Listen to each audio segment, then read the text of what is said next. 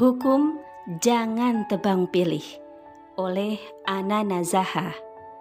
Masyarakat Indonesia kini ramai dengan berita penangkapan Nia Ramadhani atau NR dan suaminya Ardi Bakri atau AB yang dikenal sebagai publik figur di tanah air.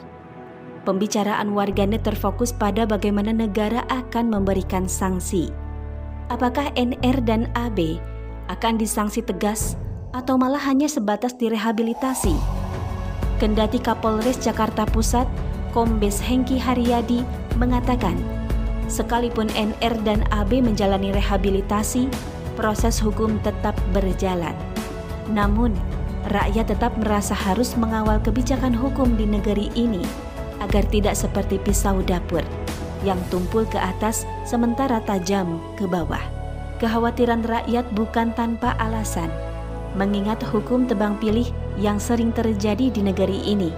Sebut saja seperti kasus Wisma Atlet, Hambalang, Senturi, dan kasus mafia pajak, serta banyak lagi. Kasus-kasus ini telah mempertontonkan ketidakadilan dan tebang pilih dalam penegakan hukum dan hanya mampu menyeret kalangan teri. Rakyat tentunya berharap agar negara mampu adil dalam penegakan hukum di negeri ini. Sekalipun yang bersalah memiliki privilege atau kedudukan sosial yang lebih tinggi, tetap saja hukum seharusnya dihargai dan tidak mudah dibeli. Jika hukum tak diindahkan, apalagi oleh petinggi negeri, pun penegak hukum yang kehilangan kepercayaan umat akibat mempermainkan hukum, maka jangan salahkan umat jika mencurigai dan bersikap apatis terhadap kebijakan yang diterapkan di negeri ini. Jika hukum tidak lagi menyelesaikan masalah dan malah menimbulkan masalah baru berupa ketidakadilan, bukankah kita wajib curiga? Bisa saja yang bermasalah bukan hanya penegak hukumnya, namun juga sistem hukum itu sendiri, bukan tanpa alasan. Karena Rasulullah Shallallahu Alaihi Wasallam sendiri telah mengingatkan kita pentingnya hukum ditegakkan dengan penuh rasa keadilan tanpa tebang pilih.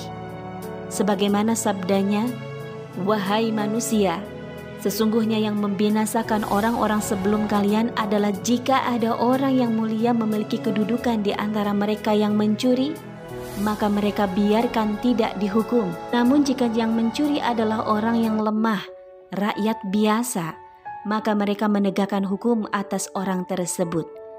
Demi Allah, sungguh jika Fatimah binti Muhammad mencuri, aku sendiri yang akan memotong tangannya. Hadis riwayat Bukhari. Memang benar, hukum tebang pilih ini terjadi karena penegak hukum yang kurang amanah menjalankan perannya sebagai peri ayah, pengatur urusan umat. Namun kurangnya amanah bisa saja timbul karena kebijakan itu sendiri. Lemahnya hukum di hadapan orang kaya menunjukkan kecacatan hukum yang diterapkan di sistem demokrasi. Dan semua ini tidak terjadi begitu saja, melainkan karena hukum yang diterapkan saat ini lahir dari ide batil sekularisme, yakni sebuah paham yang memisahkan peran Allah sebagai pembuat hukum dan menggantinya dengan hukum buatan manusia.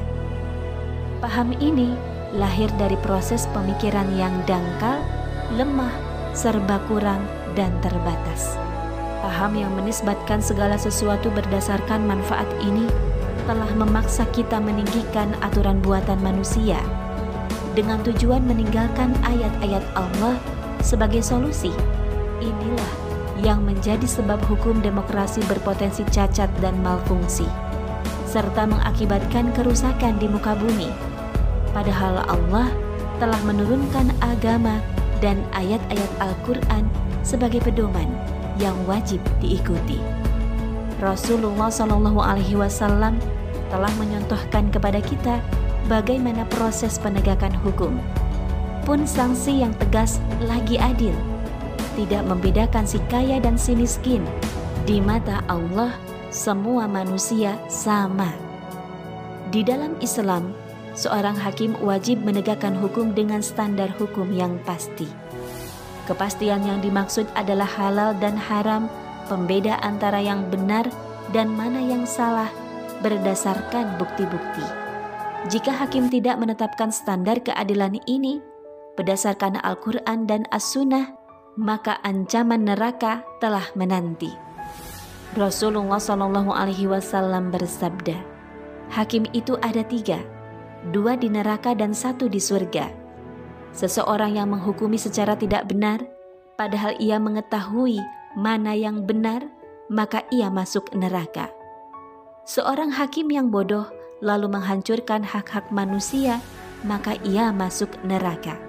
Dan seorang hakim yang menghukumi dengan benar, maka ia masuk surga. Hadis riwayat Tirmizi. Standar hukum ini tidak akan pernah kita temui di sistem demokrasi. Karena menurut demokrasi standar kebenaran adalah suara terbanyak. Meski terbanyak itu bisa saja batil menurut Allah dan Rasulnya. Karena Allah menuntut kita untuk berhukum dengan hukum Allah saja.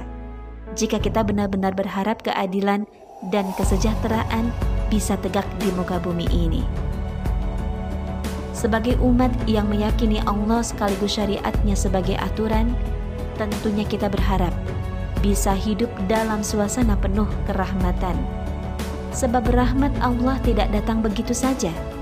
Jika kita tidak menjadikan hukum-hukum Allah sebagai aturan dalam kehidupan. Allah Subhanahu wa taala berfirman, Bismillahirrahmanirrahim. Afahukmal jahiliyati yabghun wa man ahsanu minallahi hukman liqaumin yuqinun. Apakah hukum jahiliyah yang mereka kehendaki? Hukum siapakah yang lebih baik daripada hukum Allah bagi orang-orang yang meyakini agamanya?